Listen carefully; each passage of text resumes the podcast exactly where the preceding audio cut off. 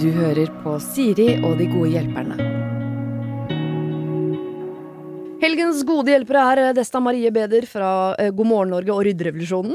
Jeg må holde tunga litt under. Send meg det blikket, så blir jeg nervøs. Veldig bra. Eh, og Hilde Skaar, artist, og, men som egentlig vil være gartner. Nei da. Ja. Men vi snakket litt om det. At, uh, man blir jo lei av sin egen bransje noen ganger. Mm. Og da har man en go to-greie. Du hadde gartner, eller var det bare random Jeg sa eiendomsmegler, men da, Ja. da er løgn. Jeg vil jo absolutt ikke det. Det Nei. var bare det første jeg kom på. Ja. Men jeg vil ikke bli det. Noe annet. noe annet? Har du ingen sånn go to-yrker som du tenker at Um, arkitekt. Men Ja. da føler jeg jo òg av og til kan virke litt som de samme problemene som i min bransje. Så noe som der jeg er bare lavest mulig rang, Ja. De trenger å ta null avgjørelser. Sånn sett, gartner høres ganske digg ut. Ja. Bare plante ting rundt omkring. Og du da, Dessa, har du noe sånn Jeg tenkte geolog virker litt interessant. Oh. Så ja. Sånn steinformasjoner og isbreer og flyttesteiner og sånn. Eller psykolog. Og da begynner vi å nærme oss ganske mye det jeg holder på med. Ja. Føler jeg til tid. Ja. I hvert Ja. fall. Ja. Bare hoppet over utdannelsen og gikk rett på. Ja. Stille gode spørsmål. Ja. Ok, dere. Jeg har, en fin bunke med problemer til dere. eh, som vi skal pløye oss gjennom. Prøve så godt vi kan. Og, og skyte fra hofta eller hjertet eller magen. Eller bruk den, eh, det området på kroppen dere føler er smartest. Det er ikke alltid det er hodet, men det er veldig sjeldent levra. Så jeg eh, anbefaler dere ikke å bruke levra her. Kosedyr i senga er første problem. Hei, Siri og de gode hjelperne. Jeg har et kosedyr, men nå mistrives samboeren med denne bamsen i senga, selv om den er ikke veldig stor, men den er som en slags liten pute som gir meg komfort og trygghet. Jeg fikk denne bamsen av samboeren min når jeg slet litt med psyken, og den har vært god å ha i alle disse tider. Og den har vært en slags intern og fin greie mellom meg og samboeren, men nå har han visst fått nok, og øh, mens jeg er blitt nesten avhengig av å spune denne hver natt. Skal jeg legge den bort? Jeg er vanligvis ikke en type som føler store følelser for ting. Jeg er en kaster. For en stund siden kastet jeg nesten alt av barndomsleker til min mor, eh, mor sin store fortvilelse. Så ja, jeg holder ikke det materialistiske tett i brystet, men hvorfor klarer jeg ikke da å kvitte meg med dette dumme dyret? Den er jo i veien, men så er den jo god og fin, og den bringer opp minner om starten av forholdet vårt, og hvor fint det har vært, og jeg kjenner ikke meg sjøl igjen, jeg. Takk for råd og løsninger. Hilsen jente som er 24 år, muligens for gammel for kosedyr i senga. Eh, ja, altså i sånn rydderevolusjonsstil så kan jo du bare redesigne den, ta ut fyllet og sy på et putetrekk, og så plutselig er det inn, innafor igjen. Ja, eller lage tøfler av Ja, armene sant. eller noe. Ja. Nettopp.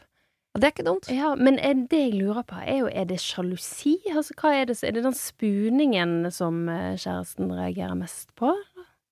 Jeg vet, altså, jeg aner ikke om dette har noe med sånn jente-gutt å gjøre, men hvis eh, La oss si det ikke har det, da. Eh, At, mi, at jeg hadde vært sammen med en gutt på 24, det er ekkelt utgangspunktet. La oss ikke ha det bildet så lenge i hodet. Eh, men la oss si at jeg også var 24, hadde en annen kjæreste på 24, og han hadde et kosedyr i senga. Det må jeg innrømme at jeg hadde slitt med å tenne på. Ja. Fordi Ja. det ble for sånn søtt og barneaktig for meg.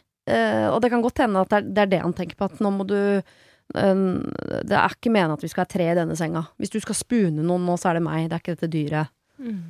Men samtidig, den, det er jo ikke bare en bamse. Det har nesten vært verre. Så er den sånn, den har jeg hatt her siden jeg var liten, men det er jo noe som har vært en støtte for henne gjennom en tung periode. Spørs litt hva, hvordan da den kosebamsen ser ut òg, da. Ja. Hvis det er en veldig, veldig barnslig mummitroll Åh, det hadde vært koselig å ha et mummitroll-kosedyr, egentlig. Men Ja. hvis det hadde vært en veldig sånn barnslig kosebamse, lekete barne... Fins det noen ikke-barnslige kosebamser, tenker du? Som er Selvfølgelig litt- fins noen som er litt sånn eh, på HM Home, liksom. Ja. Litt, litt større, litt mer eh, luksuriøs, luksuriøse dyr. De der, ja. ja Litt sånn Scandi-følelse på det. Ja, ja. Mm. Da tror jeg at jeg hadde godtatt mer. Men jeg, men jeg, eh, jeg lurer jo på hvorfor han ikke liker det nå lenger. At han syntes det var cool en periode. Men kanskje det var den perioden hun eh, hadde det veldig tungt, og så Mm. ble hun bedre, og så tenkte han kanskje at nå trenger du ikke den lenger, på en måte. Nei, for jeg synes jo Han høres litt fornuftig ut. For jeg tenker så, Han har jo vært veldig støttende. Har tenkt sånn, Du trenger denne bamsen. øh, og så har han gitt den til henne, og så har hun brukt den gjennom en tøff periode. Og så høres det ut som den tøffe perioden kanskje er litt over nå. Mm. Og da syns jeg det er lurt at han går inn og tenker sånn før du blir helt avhengig av den bamsen, for på et eller annet tidspunkt blir det for dumt. Uh, så hadde det vært fint å kvitte deg med den nå. For man skal jo helst ikke være avhengig av kosedyr i en alder av 24.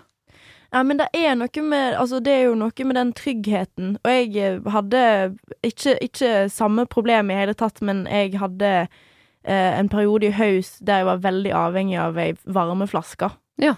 Eh, som jeg gikk til innkjøp av fordi jeg hadde mensensmerter, og det funka skikkelig bra. Um, men så ble det òg en slags sånn trygghet i en periode der jeg sleit veldig mye med angst. Om kveldene så klarte jeg liksom ikke å få ned pulsen skikkelig. Um, men så hadde jeg den liksom Det høres så teit ut, men da hadde jeg den varmeflaska på magen. Ja. Og så lå jeg der og bare ah, OK. Men dette, dette føles veldig trygt.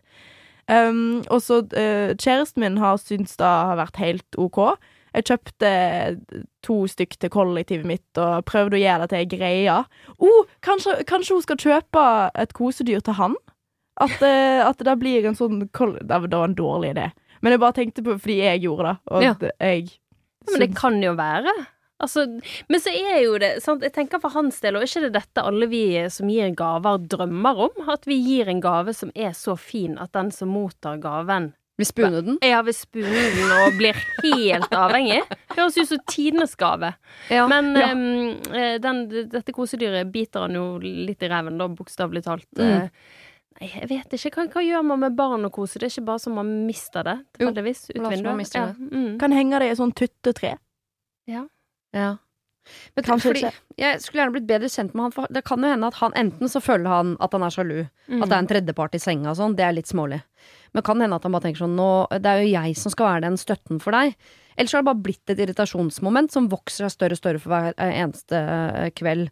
Og det er dumt hvis hun sier at dette dyret minner meg om den fine eh, eh, perioden hvor vi var nyforelska, skriver hun i mailen. Mm. Men det er dumt hvis det som minner deg om hvor fint dere har hatt det sammen som par, er det som skal på en måte også ødelegge den fine stemninga mellom dere som par. Og hvis det er sånn at han sliter så mye med at du har et kosedyr i senga, og du er på vei inn i en avhengighet som jo eh, ikke er 100 sunn, er ikke, grei, er ikke greit å fjerne den, ta bort den bamsen? Det, på et eller annet tidspunkt må den ut. Ja, ja, men Ja. Det, det er akkurat det. Hun kan jo ikke gå i graven med, med bamsen, så på et eller annet tidspunkt så må jo den vekk. Og Ja. hvis det nå har blitt et Jeg ser ikke et scenario der blam, bamsen blir, egentlig. Jeg er litt enig. Og jeg òg eh, har Jeg trappa veldig ned på den varmeflaska, men da, da handler det om at jeg fikk det bedre dag for dag, og da, da til slutt så bare trengte jeg ikke den lenger. Ja. Og jeg tror òg at en, en burde Uh, At selv om hun tenker at den minner henne om en veldig god periode og sånn,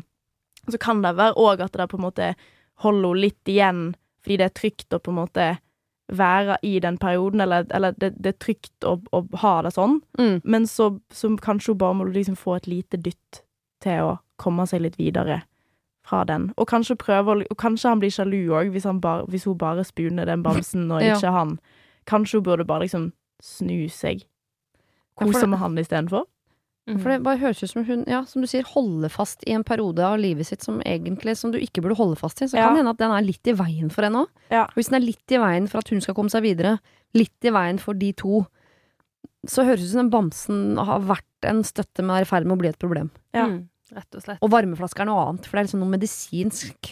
Skjønner du? Altså, Kanskje Ja, det er sant. Men kanskje de skal ha en um, Kanskje de skal ha en seremoni, eller noe sånt. Kanskje de skal g begrave bamsen, liksom.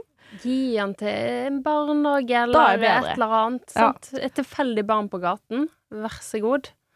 Her har du Pluto. at man kan donere den til eh, noe som, hvor den får en annen funksjon, som er viktigere. Gi Ja. den til noen, Ja. en ny som nå trenger den bamsen sånn som du trengte den. Så at den bamsen tar med seg funksjonen sin videre. Mm. Det er ikke dumt. Det er en eh, form for redesign, men uh, mental redesign. Mm. Det syns jeg du skal gjøre. Og på spørsmålet uh, muligens for gammel for kosedyr i senga, jente 24, jeg sier bare ja til det. Jeg syns egentlig ja. Ja. Uten at jeg skal dra alle over en kam, men generelt sett sier jeg ja på det spørsmålet.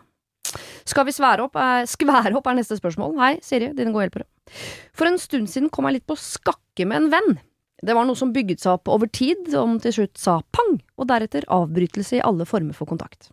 På den tiden prøvde jeg å tenke at det var en mening med det hele, ettersom jeg ofte følte at vi ikke var helt eh, match som venner. Ulike verdier, interesser. På den andre side så var jeg utrolig såra og lei meg, og jeg var sint. Lenge. Men jeg er en person som tenker mye. Jeg hater å være på vrangfot med noen, og har derfor vært preget av dette litt for lenge. Jeg har forsøkt å jobbe mye med meg selv, egne tanker og refleksjoner, tenkt at ikke alle vennskap er skapt til å vare, at man ikke kan være likt av alle, osv. og videre. Likevel så klarer jeg ikke helt å komme over dette, jeg får vondt inni meg av tanken på at noen skal være sint på meg. Jeg har derfor i det siste tenkt mer og mer på å sende en melding til denne personen, strekke ut en liten hånd for å bryte isen og komme meg videre i livet, men jeg er redd og nervøs, redd for en eventuell avvisning eller en verre situasjon enn den er i dag. En slags bekreftelse på at hele situasjonen for noen år siden var min feil, at det var jeg som var barnslig og umoden. Har dere noen råd, tanker eller refleksjoner til en person som vil skvære opp og komme seg videre i livet? Stor klem. Mm. Åh, Åh, så trist. det er skikkelig vondt. Men det vondt samtidig så hører jeg jo her at det er jo egentlig ikke et ønske om å gjenoppta vennskapet. Det er Nei. mer å ikke bli mislikt, eller få en eller annen følelse av at ok, den personen har gått videre, eller er ikke sur på meg, og sånn. Og det, det tenker jeg at er um, Det er en veldig naturlig trang å skulle bli Skulle ønske å bli likt og sånn, men så tror jeg at gjennom livet, om det er på arbeidsplasser eller i andre relasjoner, så vil man jo møte på det. Så jeg tenker at mitt råd her er å klare å lære å stå i at ikke alle liker deg, og at ikke alt er helt oppgjort. For hvis du nå begynner å ta opp Altså, hva er det? Skal man ha en samtale, og så Å, OK, du er ikke sur på meg lenger. Flott, da kan jeg gå videre. Mm. Men er det på en måte eh, um, Jeg, jeg, forsto ikke helt. Var det, var det på en måte at begge to hadde vært litt kjipe mot hverandre, eller det, føler hun at hun vil si unnskyld, eller at hun vil ha en unnskyldning? Jeg kom på skakke med en venn, hadde bygget seg opp og sa pang, og så ble det avbrytelse i alle former for kontakt. Jeg vet ikke om de to har krangla, eller om det er en som har klikka på den Mm. andre, det vet jeg ikke helt. Men det Uansett så høres det ut som en situasjon hvor man sitter igjen med masse spørsmål. Ikke Ja. sant? Jeg tenker jo um, umiddelbart at noe som kan tære veldig på, uh, på samvittigheten eller på psyken, er jo hvis en går rundt og, og føler at en øh, burde si unnskyld til noen, eller Mm. at, det, at det er noe en sjøl må få av brystet sitt i forhold til sånn i, i å si sorry for min oppførsel da. Mm. Um, og i så fall syns jeg, syns jeg det høres ut som en fin samtale å ta, men, men da å på en måte bare høre Er du sur på meg, eller kan du si unnskyld til meg, eller uh, Vi bryr oss ikke om det som skjedde da, right? Nå går Mm. vi videre. Det høres litt ut som en eh, kan gjøre vondt verre òg. At en kan rippe opp i ting som allerede var på vei til å leges, på en måte. Mm. Men jeg, jeg, er, jeg er litt usikker, for jeg har jo på en måte gått igjennom eh, sånne ting sjøl, med vennskap, og da tror jeg det er veldig mange som har gjort. Um, er mitt, eh, min måte å gjøre det på har jo bare vært å gå videre. Eh, men det gjør jo vondt lenge. Mm. Så jeg tenker jo tilbake på det er sånn Kanskje jeg skulle ha tatt opp kontakten og vært sånn Kan bare få det ut av verden. Men det handler jo mer om at jeg ikke tør. Altså, og så er det det ta opp igjen kontakten, som du sier, som du også var inne på, Desta. Sånn, Du må jo vite hva du vil med den kontakten videre, for det høres ikke ut som om hun, hun vil inn i en eh, del to av dette vennskapet. Og da, jeg da må du vite hvorfor dere ble uvenner. For hvis det er gjensidig, det bruddet sist, at begge var enige med at vi to skal ikke ha noe med hverandre å gjøre, tenker jeg da er det ganske ufarlig. Men hvis det er sånn at den andre parten her føler seg dumpa på en eller annen måte, skjelt ut og dumpa, så er det litt farlig å ta opp igjen kontakten Ja. bare for å lette sitt eget bryst, men så skal du ikke noe videre med det. Hvis du skjønner sånn, ja, ok, greit, så du er ikke sint på meg, kjempebra, men vi snakkes aldri igjen allikevel. Da, da ripper du jo opp i noe hos den andre personen som, som jo er ganske dårlig gjort. Jeg tror av og til at det kan oppleves som eh, Eller jeg føler det kan, opp, kan bli oppfatta som litt egoistisk òg. Mm. Eh, av den personen som vil ta kontakt, og faktisk ta den kontakten. Fordi da er det jo Da kan, kan det oppleves som at dette er for at eh, Altså hvis noen hadde gjort det mot meg, da, så tror jeg jeg òg kunne opplevd at nå vil du ha noe av meg, men jeg kommer ikke til å få, få noe ut av dette, og nå må jeg bruke tid på å liksom gi deg et eller annet som, som jeg ikke har lyst til, på en måte. Eller jeg vet ikke om det ga mening at jeg, det, det kan nok oppfattes litt fordi, fordi jeg har lyst til å Eller den person, personen har lyst til å få noe av brystet sitt, så betyr ikke det at eh, den andre personen vil det, eller vil hjelpe med det. Nei. Men så tror jeg, sånn som du sa i sted, Hilde, altså hvis man sjøl sitter inne med at vet du hva, jeg har lyst til å si unnskyld, for jeg Mm. oppførte meg kjipt, det tenker jeg det er det aldri for seint å gjøre. Altså Mm. hvis man sjøl kjenner på det og har gått igjennom en eller annen selvransakelse og funnet ut av ting. Så da, da mener jeg absolutt at det, den døren er alltid åpen for å si unnskyld for noe man har gjort, og det tenker jeg aldri kan gjøre vondt for en annen person. Eh, men jeg får jo kanskje litt inntrykk at dette handler mest om, eller i hvert fall i stor grad om, et veldig sånn ubehag over at åh, jeg er i klinsj med noen. Ja. Og det tror det ligger mye styrke i å, i å akseptere det også. Ja. Eh, For det kan det være man møter på flere ganger i, i livet. Det er, ikke, det er ikke alt som blir løst alltid heller. Nei, jeg er helt enig med at eh, hvis hun da tar lærdom av dette For det, dette er jo grunnen til at jeg mener at man i vennskap skal prøve å unngå sånne brudd som man har i kjærligheten. At man i vennskap heller skal faktisk ta utfade, akseptere at vet du hva, nå er det avstand mellom oss, for nå er vi på forskjellige steder i livet. Eh, nå er, eh, driver du med andre ting enn meg, eller eh, nå kjenner jeg at vi ikke har den kjemien lenger, så nå er vi Men kanskje møtes vi igjen om to år, så er kjemien tilbake, og plutselig så ble vi single samtidig, ikke sant. At vennskap kan gå litt mer sånn øh, opp og ned i, i styrke.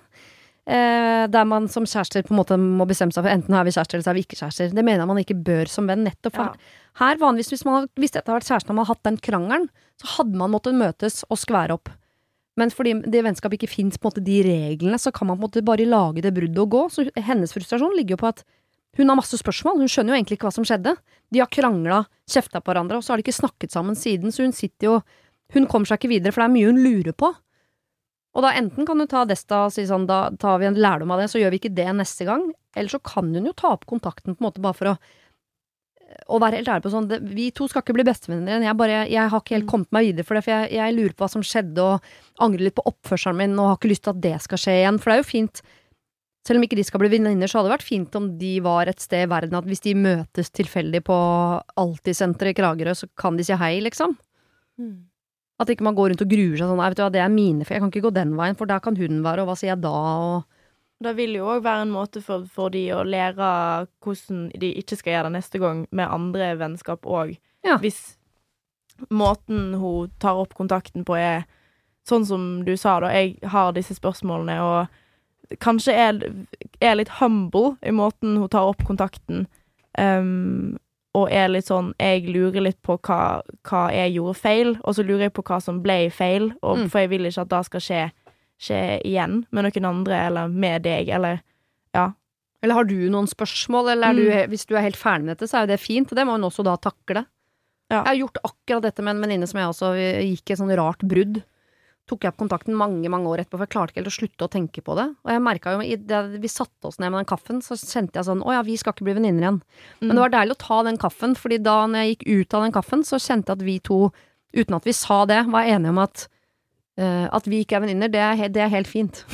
sånn. Og da hadde jeg ikke noe spørsmål rundt det lenger. Tenkte sånn, ja, men det var, det var en grunn til at det ble et slags sånn uh, litt sånn kjapp utfade på det vennskapet, fordi vi, vi var ikke noe sånn bra for hverandre. Nei, men, men hva type ting pratet dere om? Gikk dere igjennom det som hadde skjedd i bruddet, eller hvordan Ja. var det? Ja.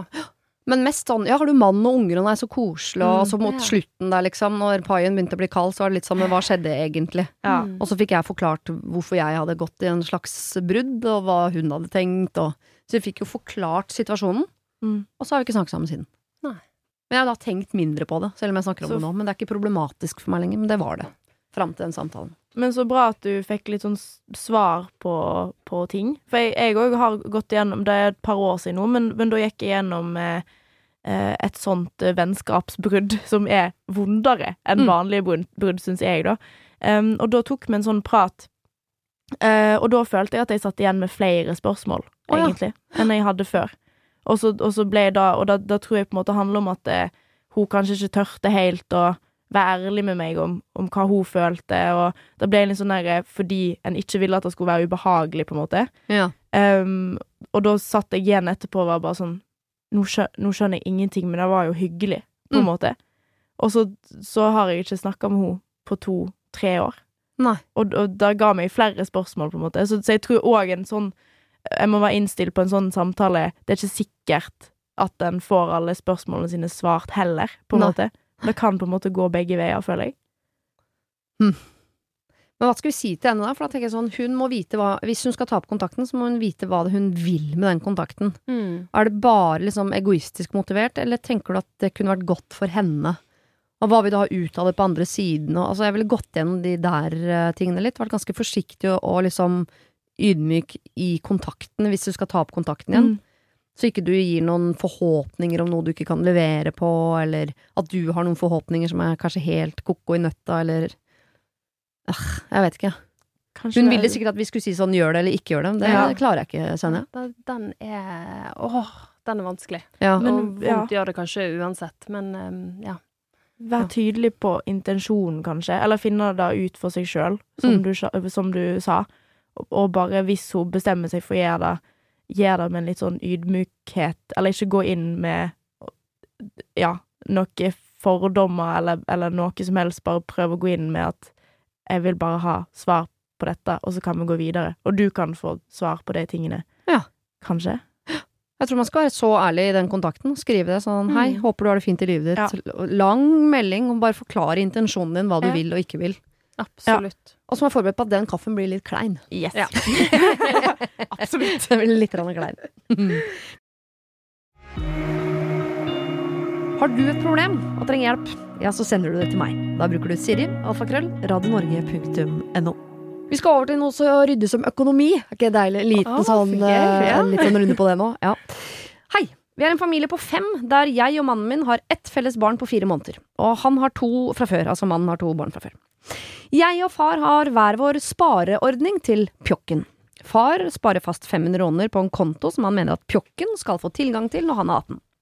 Eh, slik de to andre barna skal få. Far har informert de to andre barna hvor mye penger de har på sine kontoer, som nå runder godt over 100 000 kroner hver.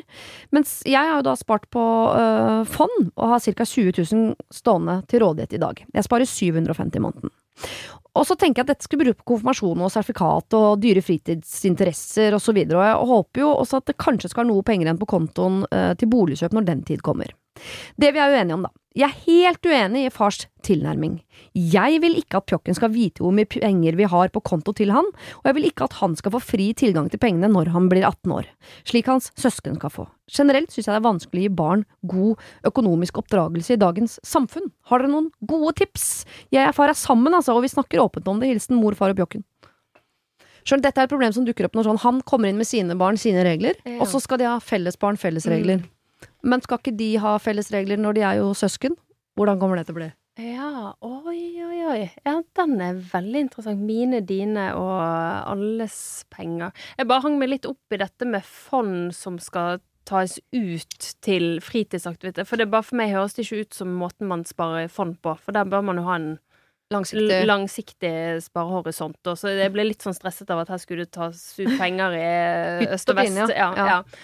Men det kan nok hende sånn den dagen vi tar lappen, for eksempel, så Mm, er det sånn greit, da henter vi ut 50 000 fra et fond, Ja. og så blir det lappen. Mm. Men kan, kan man ikke spare på sa- Jeg skjønner jo at han vil, han vil ikke gjøre forskjell på sine barn, eh, men kanskje man sparer på det samme måte, men så kan mor og far her bli enige om da til sitt felles barn at OK, han får det bare ikke utdelt på 18-årsdagen, han må forvalte de på en eller annen måte.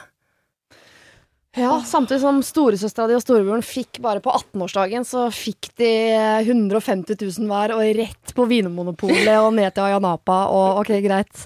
Mens du er sånn, nei, du, jeg har kjøpt medlemskap i Obos til deg, gutten min, og så er det bare å, å vente til du er gift, og så eh, Selv om det er nok mer fornuftig, men herregud så frustrerende det ville vært.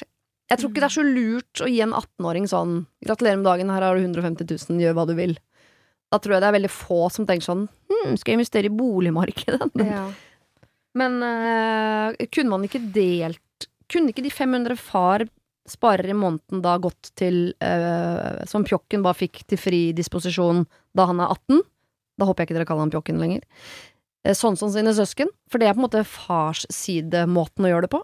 Mm. Men så har du de 750 som har gått inn i fond, og de skal bli stående i fond til den dagen han trenger egenkapital til leilighet, for eksempel, eller noe de foreldrene mener er fornuftig, da.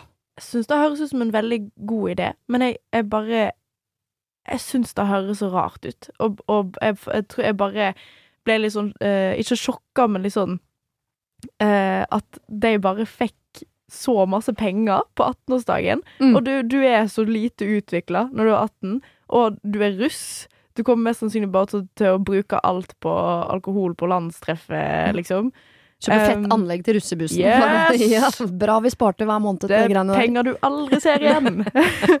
men det er jo sikkert dritgøy der og da. Eh, I første omgang så tenkte jeg sånn OK, men ikke gjør det med pjokken. Eh, Gjør noe fornuftig med han, når han kommer til å være dritsur når han blir 18, men han kommer til å være så sjukt glad og letta over det når han er eldre og, og har lite penger. Mm. Um, men, men samtidig Å, den, den er vanskelig når han har søsken som får det på den måten. Mm. Da blir det jo veldig Ja.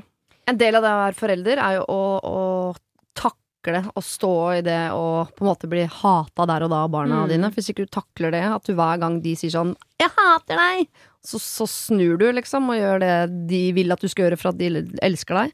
Da Ja, og dette er jo en sånn uh, Ofte så kan jo kanskje foreldre stå i ting som der, der det ikke er en sånn fasit. Sant? Der OK, du får ikke være ute så lenge som de andre barna. Jeg vet ikke om det er riktig, men det er bare det jeg føler at det er riktig. Men her altså, er det jo objektivt sett Mm. en bedre idé å ikke gi et barn 100 000 på 18-årsdagen enn Mm. å Mm. legge en liten plan for det og sånn. Så jeg tenker jo som foreldre at man kan stå mer sånn fjellstøtt i det. Um, den største utfordringen her tenker jo jeg egentlig ikke er hva hans søsken er, for det, man kan gjøre en eller annen slags jobb, men at de to som foreldre er såpass uenige, da. Mm.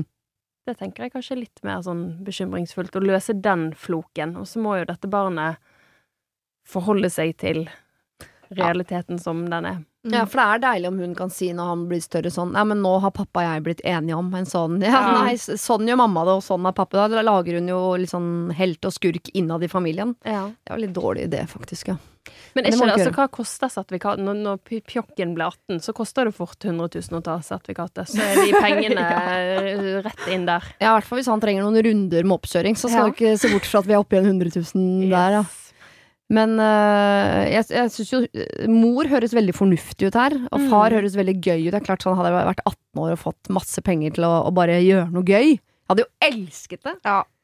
Men jeg tror kanskje jeg hadde elska det enda mer den dagen jeg da fylte liksom 29 og hadde lyst på leilighet, og jeg faktisk kunne det, fordi mutter'n har vært så smart at hun hadde spart de pengene til meg. Og tenk deg, det, altså, det er jo ikke noe man har vunnet i Lotto, så har det stått på en konto. Sant? Man har liksom møysommelig spart i 18 år, og så skal det bare ut Ja. vinduet sånn. Nei, uff. Uff.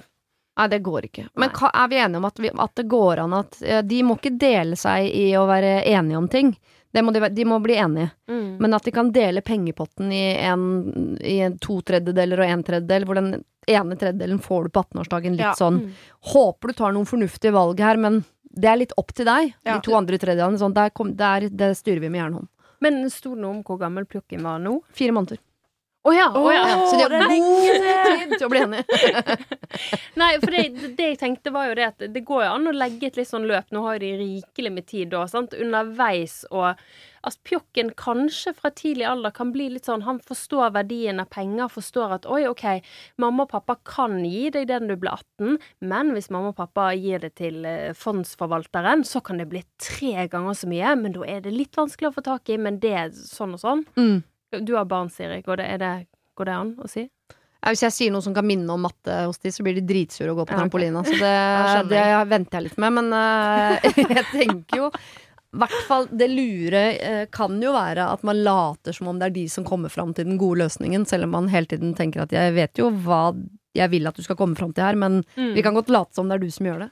Mm. Ja, sikkert lurt. Sikkert lurt. Ja.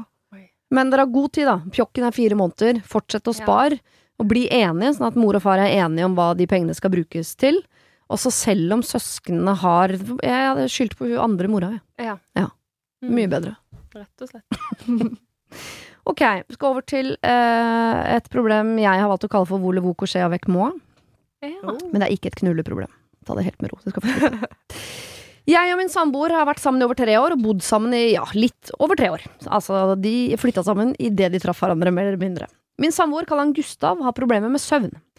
Innsovningspiller på resept er det eneste som fungerer, men det kan jo ikke brukes de dagene han skal på jobb fordi han blir så døsig. Jeg kan det. Britt har derimot et sovehjerte som veier flere tonn. Jeg har i tillegg hørt rykter om at jeg snorker. En del. Jeg har testet ut diverse for å hindre denne snorkingen, men til ingen hell. Jeg er i midten av 20-åra og han i starten av 30-åra. Både hans og mine foreldre sover på hvert sitt rom. Jeg kan forstå dette etter 20 år, til og med etter 10, men jeg syns etter tre år er for tidlig. Samtidig så er søvn såpass viktig, og jeg har utallige morgener våknet alene i sengen for å så finne Gustav sovne på sofaen. Om jeg sovner før han, er mitt bråk med på å holde han våken, og han kan også våkne midt på natten og ikke sovne igjen. Jeg har innsett at vi er nødt til å ha hvert vårt soverom, for på den måten kan han sove, eller ikke sove, i fred og ro. Samtidig gjør dette meg redd, fordi jeg føler at det er en eh, måte vi kan risikere å skli fra hverandre på. Jeg er veldig glad i samtalen og kosen vi har før vi legger oss, og det kan jo også føre til litt ekstra kos. Det blir jo eh, betydelig mye mindre av det eh, ettersom vi eh, da får hvert vårt soverom. Det skjer at vi begge sovner sammen fram til alarmen ringer, men det er litt for sjeldent. Hvordan skal jeg komme til takke med at vi skal ha hvert vårt soverom? Eller finnes det andre løsninger? Hvis ikke, hvordan skal vi klare å opprettholde både på intimitet og den hyggelige småpraten om alt og ingenting, altså såkalt pillow talk, men imens vi legger oss? Intimitet, intimitet på andre tider av døgnet har ikke funka for oss siden vi var uh, nyforelska, så det er egentlig ikke et alternativ, altså. Har dere andre forslag? Hilsen en snorker. Delt soverom, hva tenker dere om konseptet? Jeg, sy- syns jo, altså Å, herregud. Nå, jeg, jeg vet ikke hva jeg skal si. Jeg, først og fremst så, så syns jeg Tror jeg syns sjøl at det hadde vært kjipt om, å måtte sove på hvert eh, sitt soverom med min kjæreste. Så jeg, Mm. jeg skjønner Jeg skjønner veldig godt at da, da At da føles eh, vondt og litt rart når de har vært sammen så, så kort. Um, men samtidig så da å ikke få sove, da kan ødelegge forholdet mer, tror jeg, enn Mm. at de ikke får kost eh, så mye. Ehm, jeg vet ikke om det fins noen måter å slutte å snorke på, liksom. Hva Jeg vet ikke. Operasjon eller et eller annet. Ja, det fins jo masse måter å slutte å snorke på, men det Mm. høres ut som han sover dårlig uansett, da. Ja. At ikke det bare er snorkinga hvis han har et uh, innsovning, at han ligger mye og vrir seg, og at det da blir irritert med varmen, pusting, alt, alt bare Alt blir vanskelig. At man helt bare vil ligge inn på en sånn stille, mørk celle og sove for seg selv. Altså, jeg pendler jo, så jeg sover jo vekke fra min mann annenhver uke. Um, nå har jo han riktignok vært og besøkt meg noen ganger i Oslo. Da jobber jo jeg natt i God Mm. morgen Norge. Og det, der òg var det noe sånn at nei, jeg må sove sammen, da, som jeg syntes var helt meningsløst. Men det har jeg heldigvis fått, uh, fått han til å slutte med. Ja. Slutte å snakke om. For det at uh, altså uten søvn Du må ha søvn. Det er så viktig. Og du kan snakke om um, om pillowtalk og intimitet og sånn, men du blir jo syk av det. Men her virker det som han har et problem med å sovne, og hun Mm. sover veldig lett. Så et, her kan man jo få i pose og sekk. Man kan ha pillowtalk og kos og alt dette her. Og så når man er ferdig med det, så kan han liste seg ut. Mm. Jeg, jeg tenker at det er så enkelt. For det er jo litt det de gjør nå. Det er bare litt det stusslige, den dårlige samvittigheten hun får når hun våkner på morgenen og har sovet dritgodt, og så ser hun han ligge litt sånn ukomfortabelt på øh, sofaen i stua hvor det sikkert ikke er gardiner ennå, for de har ikke fått kjøpt det, og og så får man sånn 'Å nei, er det på grunn av meg, og har du sovet dårlig?' Så er det nok en sånn dag hvor han har dårlig søvn, og du Mm. føler litt på skyld, og Ja. Så jeg tenker også at man må bli enige om at vi sover på hvert vårt soverom, og det er ikke fordi vi ikke elsker hverandre. Mm. Det er fordi vi elsker hverandre at vi gjør det sånn. Fordi vi trenger energi til å elske hverandre sånn masse hele tiden. Ja. ja, rett og slett. Og sånt, sofa er jo ikke et alternativ. Her må det legges et opplegg for dette. Og så tror jeg jo at, at um, OK, vi har en sånn tanke om at sånn skal det være. Man skal, hvis man er kjærester, så skal man sove sammen og, og sånn. Men og søvn trumfer trumfer nesten alt. Altså, det er Ja. så viktig. Um, og når han da, hvis han kan gå inn på eh, sant, Sove fra hverandre. Det er nesten ikke det heller, altså, hvis man går og, og legger seg sammen og sånn. Bare at han lister seg ut. De Kommer ikke til å merke det. Nei, nei, Ligger sant. Ja, for nå, jeg, jeg er veldig sånn eh, Jeg mener at noe av hovedpoenget med å være kjærester er jo liksom kos og være nær. og? Jeg elsker Jeg, jeg tulla mye med at jeg antageligvis var sengemidd i mitt forrige liv, for jeg elsker hud og, og seng. Jeg vil bare være i seng med hud. Uh, minst mulig løs hud, selvfølgelig. En sånn som er festet på kroppen. Men uh, jeg vet jo allikevel at Og jeg er sånn, vi har kjøpt dobbeldyne, ikke sant. Jeg kan godt ha Eh, når mannen min er på nattvakt, for eksempel, så kan jeg bære ungen inn i senga, bikkja, alle ligger i klump, og jeg elsker det, og jeg sover godt uansett. Men jeg tenker meg sånn det at jeg elsker å sove liksom med lokføreren med ved min side, det er jo noe jeg bare sier. Ikke fordi jeg ikke elsker det, men A, jeg legger meg før han, så øh, jeg sover når han kommer inn på soverommet. Vi ligger på hver vår kant av senga, så jeg er ikke nær han i løpet av natta. Og når jeg står opp morgenen etter, så har han stått opp allerede, fordi han er A-menneske. Så det er jo tanken om at vi deler seng jeg elsker, det er jo ikke det at vi faktisk gjør det. Hvis du skjønner? Så hvis de legger seg sammen og han sniker seg ut, så er ikke det noe hun kommer til å merke, med mindre hun gjør det om til et problem sånn intellektuelt sett. Nei, nei. Jeg tror vi bare har Det er liksom den der tanken om at sånn skal det være, og, og igjen, hadde det vært dødskoselig for begge to, så er jo det tipp topp, men han, han lider, og det kan jo ikke være noe kjekt for hun heller, at hun vet at hun holder snorkeorkester gjennom hele natten, og han får ikke sove, og Nei.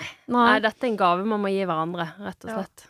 Og så kan man bruke det litt sånn romantisk og innimellom sånn snike seg inn på hverandres soverom, ja, eller invitere til overnatting, ikke sant. Man kan jo være litt kreativ på sånn Lat som dere har et sånn kristenfundamentalistisk eh, forhold, da. Så dere har ikke lov til å dele soverom, men innimellom bare snike seg inn på natta og glede seg til å bo på hotell og sånn. Ikke bare bruke det. Dritgod idé. Litt sånn rollespill.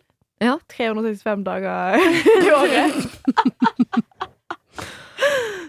Nei, det der, jeg, dette bor oppi hodene deres. Altså, sånn, Vi er kjærester, vi skal dele soverom. Ikke hvis det ødelegger søvnen. Nei. Da kommer dere ikke til å være kjærester så veldig lenge. Nope. Nope.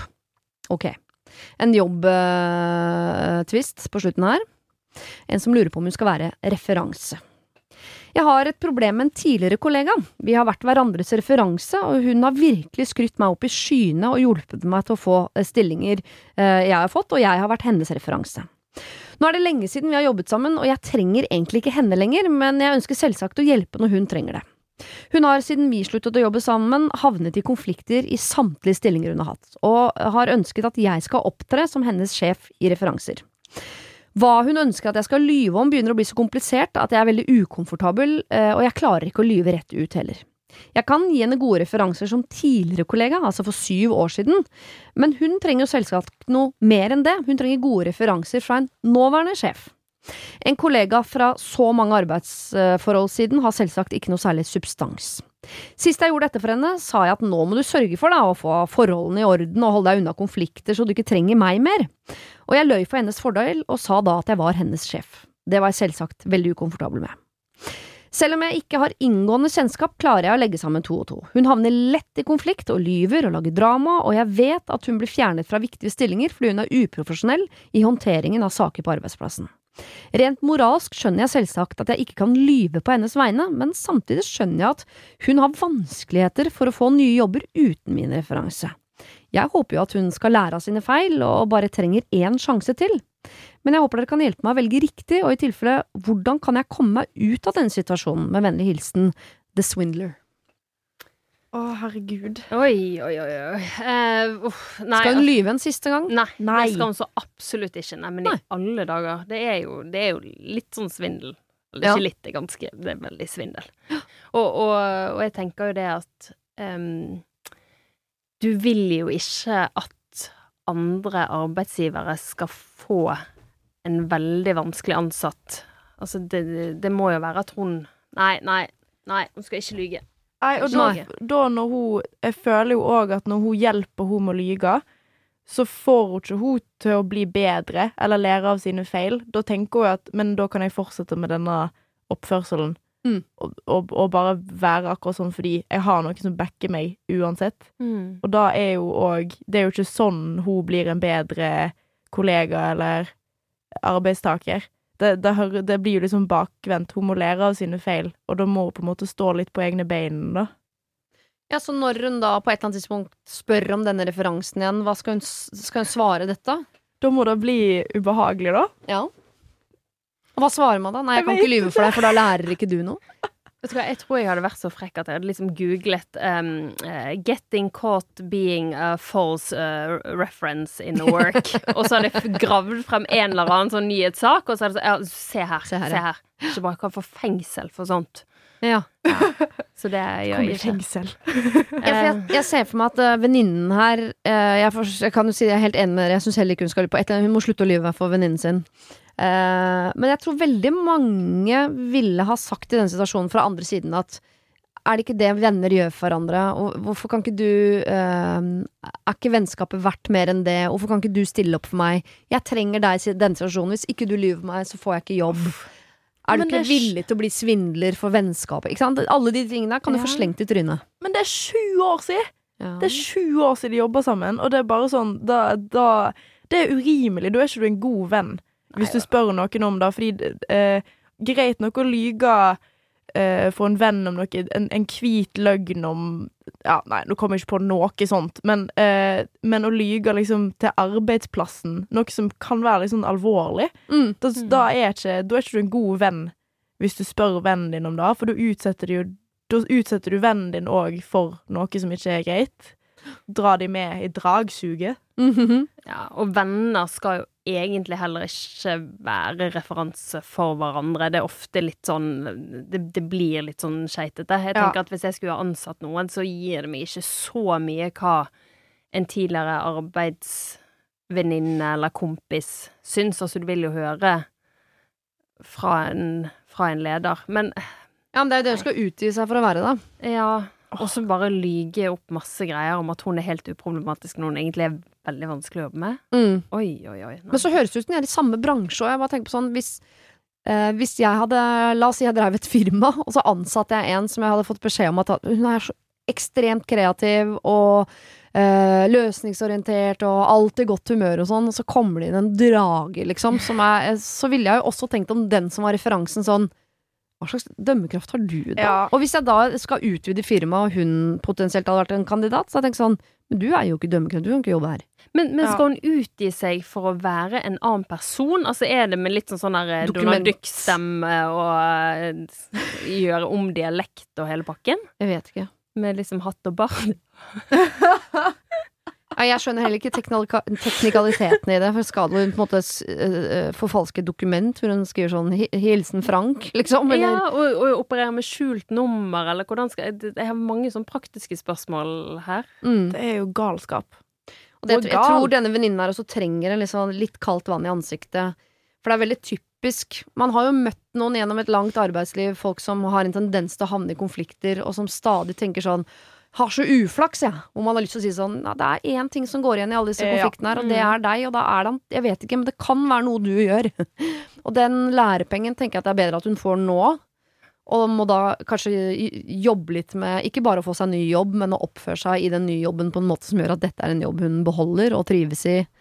Eh, og den lærepengen trenger hun. Det mener jeg nesten er en bedre venninne. Å klare Ja, å stå i Jeg hjelper deg mer ved å ikke gi deg den referansen enn å faktisk gjøre det. Åh, men det er så vanskelig da som venn- Jeg bare tenker på mine venninner som heldigvis ikke er i en sånn situasjon, da, men altså eh, det, det her burde jo det vært en leder eller en eller annen på arbeidsplassen som kunne fortalt om dette, for som venninne så er jo det Nå vet jo ikke jeg hvis de er i samme bransje, og kanskje denne venninnen faktisk vet noe om hvordan hun er på jobb, men hvis du bare vet at ok, jeg har en venninne som havner i masse konflikter, så det, det er vanskelig å gå inn og si at nei, du er problemet. Så jeg skulle ønske her at det var en, en leder som hadde gitt tydelig beskjed, men det er jo det kanskje for alt vi vet, og så bare slutter hun og begynner et annet sted ved hjelp av sin Ja, ja. Pluss at det er skuffende ofte at jeg syns ledere eh, Det kan være gode ledere på mye, men at det er jo veldig få mennesker, selv om man er leder, som, syns, som ikke syns det er ubehagelig å gå inn i sånne konflikter. Mm. Og som da heller på en måte finner måter å glatte over på enn å være helt sånn konkret på sånn, eh, og, og komme med den tilbakemeldingen hun trenger. Da. Men jeg tenker jo òg at de eh, At hun burde først og fremst si eh, til henne at 'jeg kan ikke lyge for deg', 'jeg kan ikke være referansen din', og at, at kanskje da burde være på en måte hovedpoenget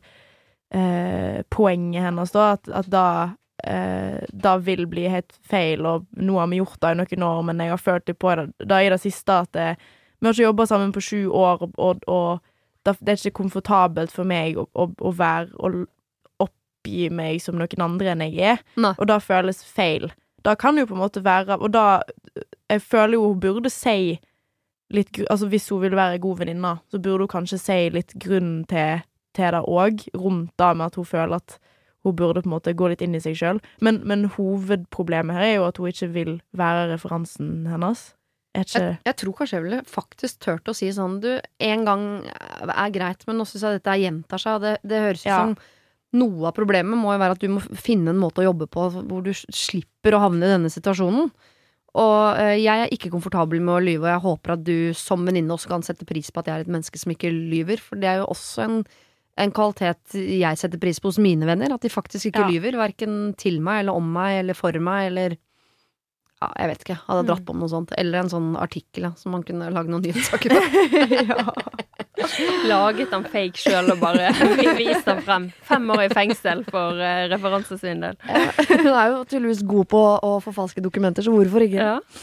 Eh, nei, men på spørsmålet om hun skal uh, lyve for venninnen sin eller ikke, så er vi ganske tydelig tre ganger nei. Nei. Nei. Uh, det var siste problem. Tusen, tusen takk, Hilde Skaar og Desta Marie Beder, for at dere ville være mine gode hjelpere. Takk For oss. Takk for at vi fikk komme. Og så håper jeg dere fikk litt hjelp selv også, på de problemene deres, eller?